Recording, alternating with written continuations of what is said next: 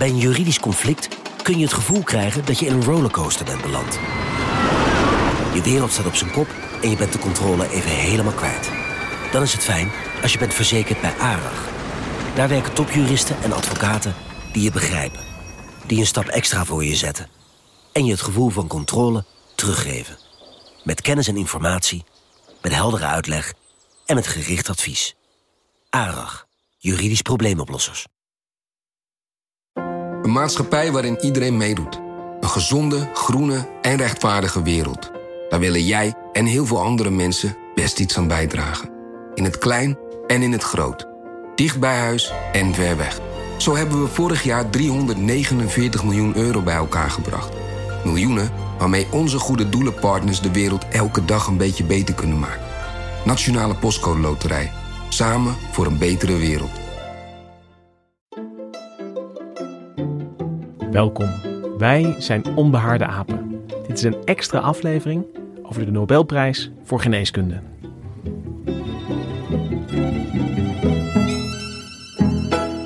Nobelförsamlingen vid Karolinska institutet har idag beslutat att Nobelpriset i fysiologi eller medicin år 2020 De Nobelprijs voor de geneeskunde gaat dit jaar naar Harvey Alter, Michael Holton en Charles Rice voor de ontdekking van het hepatitis C-virus. Normaal volgen wij die aankondiging met z'n allen op de redactie, maar dit jaar vanwege een ander virus zaten we natuurlijk allemaal te videobellen. Dus er was een groot scherm met allemaal vakjes waarin alle redacteuren zaten. En we gaven allemaal commentaar op deze Nobelprijs. voorspeld, hè? Die noemde jij ook, eh, Sander, ja. Ja, Keurige prijs. Kun je niet tegen zijn. Nee. En mooi dat het weer een virus is natuurlijk in deze tijd. Ja. Het is 2020 en de wereld is in de ban van SARS-CoV-2. En in Stockholm wordt bekendgemaakt dat de Nobelprijs naar de ontdekking van een ander virus gaat, namelijk hepatitis C. En ik zit hier in de studio met Nicky Korteweg om over deze Nobelprijs te praten. Nicky, ik heb heel veel bijgeleerd over SARS-CoV-2 en ons immuunsysteem het afgelopen jaar en, en hoe dat allemaal werkt. Maar hepatitis C heb ik niet zo scherp op het netvlies staan. Kun je me even bijpraten? Wat is dit voor virus? Ja, hepatitis, dat is eigenlijk een leverontsteking. En uh, dat wordt heel vaak veroorzaakt door virussen. Um, je kunt het acuut hebben, dat is hepatitis A. Uh, maar je kunt ook chronische leverontsteking krijgen. En uh, dat kan dan uiteindelijk ervoor zorgen dat je lever niet meer goed werkt. En uiteindelijk kan het ook tot leverkanker leiden. hepatitis C, ja, daar raken wereldwijd jaarlijks zo'n 70 miljoen mensen mee besmet. En er gaan ieder jaar 400.000 mensen nog aan dood.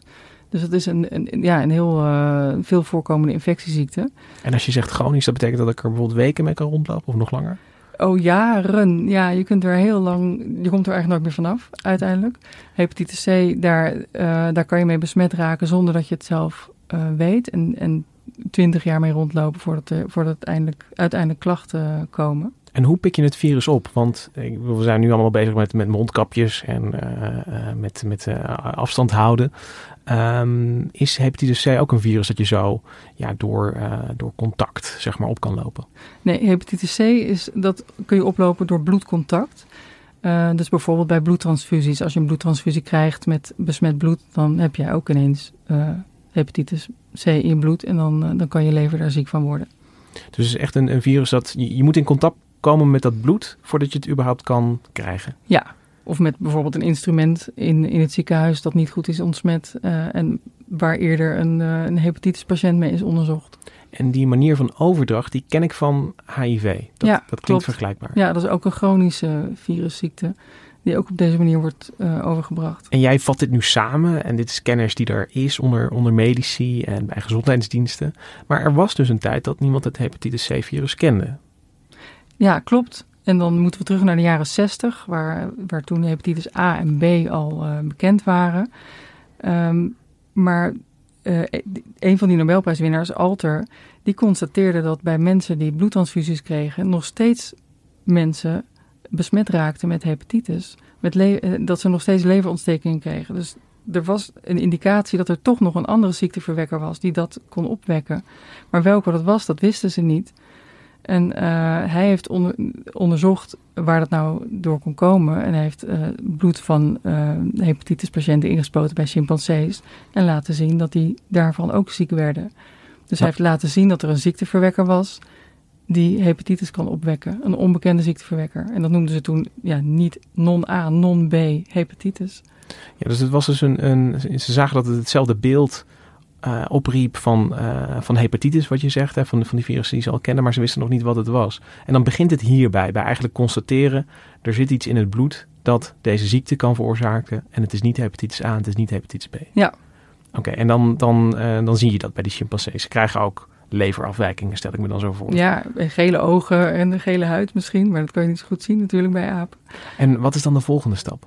De volgende stap is dan kijken wat dat dan voor een ziekteverwekker is. Hè, of het een virus of een bacterie is al.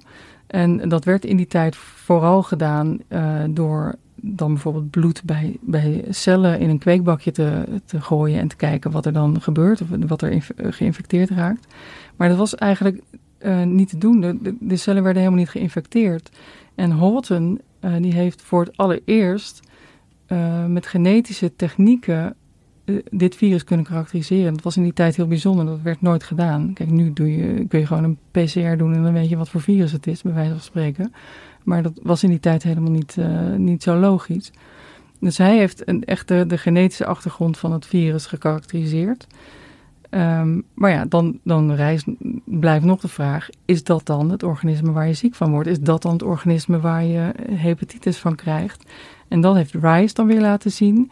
Die heeft dat virus uh, ja, nagemaakt, zeg maar. En, en daarmee uh, weer chimpansees besmet.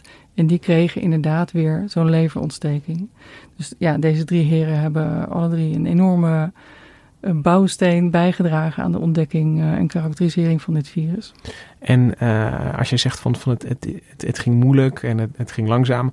Want uh, we, hebben net in, in, in, het wereldwijde experiment dat COVID heet, hebben we gezien dat een, ja, ziekteverwekker eigenlijk in, in december, begin januari voor het eerst wordt opgemerkt en dan al heel snel te detecteren is. En dan is al, al heel snel duidelijk, nou ja, dat, dat veroorzaakt deze ziekte. Even voor mijn gevoel, hoe lang heeft het geduurd voordat zeg maar hepatitis C van dat eerste idee, er zit nog iets in dat bloed, tot aan uh, de karakterisering en dit is hem. Hoe lang heeft dat geduurd? Ja, nou bijna 30 jaar, want in, ja, in 25, 30 jaar, in de jaren 60 uh, werd het bekend dat er nog zo'n onbekende ziekteverwekker was. En uiteindelijk in 1989 is pas echt dit virus gekarakteriseerd. Ja, dus dat is echt ja, al die moleculaire technieken. Gaan daar, uh, ja, worden daaraan uh, gewijd. Ja, en um, 1989, het is duidelijk, hepatitis C uh, is de veroorzaker en we kennen het virus. Wat wordt er dan mogelijk? Hoe verandert dat dan, ja, zeg maar, de, de, de medische wetenschap? Ja, dat was echt een doorbraak bij bijvoorbeeld de bloedbanken. Want eindelijk konden ze nu dan uh, bloedscreenen, donorbloedscreenen op dit nieuwe virus. Want het was natuurlijk zo onbegrijpelijk waarom mensen nog steeds uh, hepatitis kregen van die, uh, van die bloedtransfusies. Um, dus ja, sinds 1992 in Nederland wordt dat bloed standaard gescreend op hepatitis C. En ja, voorkom je dus dat mensen dat uh, per ongeluk krijgen. Dus dat is een enorme verandering geweest, wereldwijd natuurlijk, in het voorkomen van het verspreiden van hepatitis C. Dat was echt een enorme worsteling in die tijd voor uh, bloedbanken en uh, bloedtransfusieonderzoek. Omdat er zo'n onbekend virus was en ze wisten gewoon niet wat er, wat er dan, wie dat, welk virus dat veroorzaakte, die leverinfecties. En ja, dat was echt een enorme doorbraak, vertelde uh, Roel Coutinho mij vanmorgen. hij is voormalig directeur van het Centrum Infectieziektebestrijding, dus eigenlijk de voorganger van Jaap van Dissel aan het RIVM. En uh, ja, hij herinnert het zich nog als de dag van gisteren. Zeker, dat herinner ik me nog zeker. Want ik herinner me nog heel goed die worsteling. Uh, want ik ben zelf, uh, mijn, promotieonderzoek ging, ging over hepatitis, over hepatitis B. En, in die, en, en de eerste vaccinatie, hè, want je hebt dus voor hepatitis B heb je, zijn er op een gegeven moment vaccins ontwikkeld. maar voor hepatitis C niet. Maar ja, toen, toen worstelde de bloedtransfusiewereld met die, die, die laatste groep van, van virussen waarvan ze zeiden, ja, uh, die, die zitten dus in het bloed, maar we kunnen ze niet opsporen. En ze noemden dat dan non-A, non-B hepatitis. Ja, dat kan ik me nog heel goed herinneren. En dit was echt een doorbraak. Is het ook nu mogelijk, nu we het virus kennen en we kunnen erop screenen, wat je dan ook nog wil, is dat je het kan behandelen, kan ik me voorstellen. Dat je er iets tegen kan doen. Zeker als het een virus is, wat je aan het begin vertelde, daar, waar je maanden mee kan rondlopen of jaren. Is dat nu mogelijk? Ja, dat, dat is de allerbelangrijkste uh, uitkomst eigenlijk van dit onderzoek. Is dat er nu allerlei antivirale middelen zijn ontdekt. En dat is eigenlijk nog niet eens zo heel lang geleden. Um, ja, er zijn heel veel antivirale middelen ontdekt en uh, er is een behandeling nu voor hepatitis C. Als mensen drie maanden lang twee of drie van die middelen slikken, dan raakt eigenlijk nagenoeg iedereen ervan af. Dus het is een chronische virusziekte waar je echt van kunt genezen. En dat is nog nooit eerder uh, gebeurd. Dus dat is ook wel echt heel bijzonder uh, aan deze ontdekking. Dus dat is echt een, een, virus dat mensen jarenlang bij zich kunnen dragen. Is nu met een behandeling van een paar maanden ben je het kwijt. Ben je het echt kwijt, ja. Dus dat is niet zoals bij HIV bijvoorbeeld. Daar is ook een behandeling voor tegenwoordig. Maar mensen blijven het wel altijd bij zich dragen. Het gaat niet weg, je onderdrukt het alleen.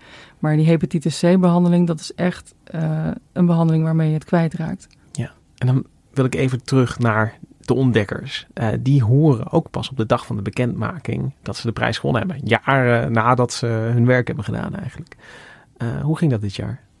Ja, dat ging aanvankelijk niet heel soepel. Want Alter bijvoorbeeld, die, die werd midden in de nacht wakker gebeld. En nou, die was eigenlijk vooral geïrriteerd dat de telefoon ging. Yeah, it was 4, 4.45 I think.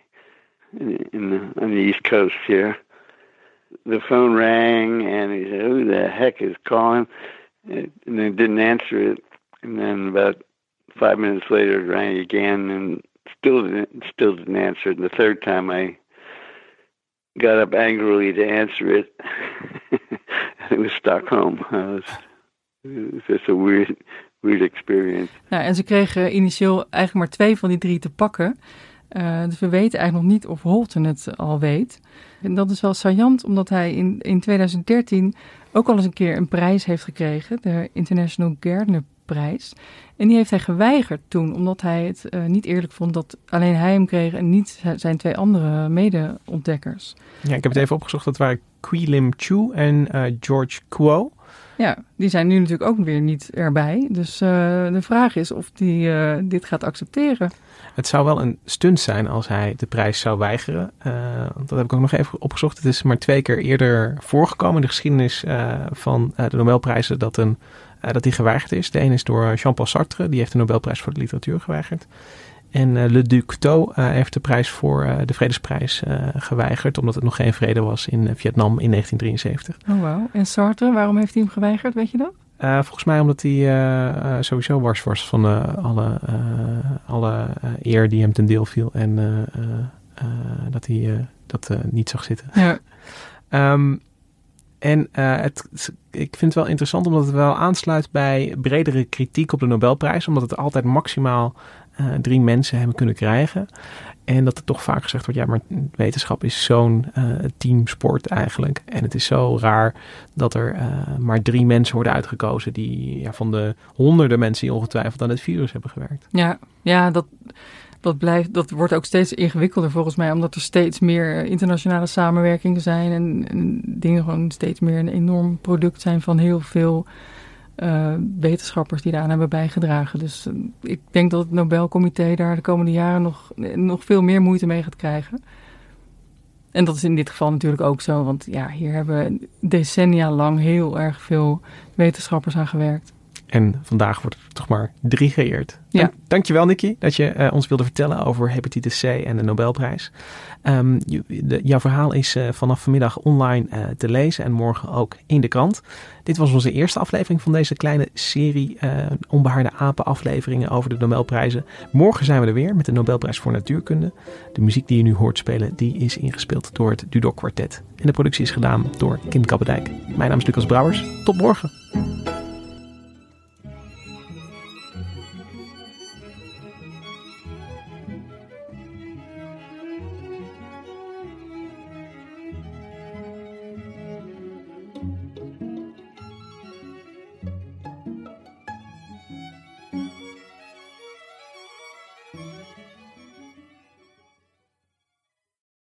De financiële markten zijn veranderd, maar de toekomst, die staat vast.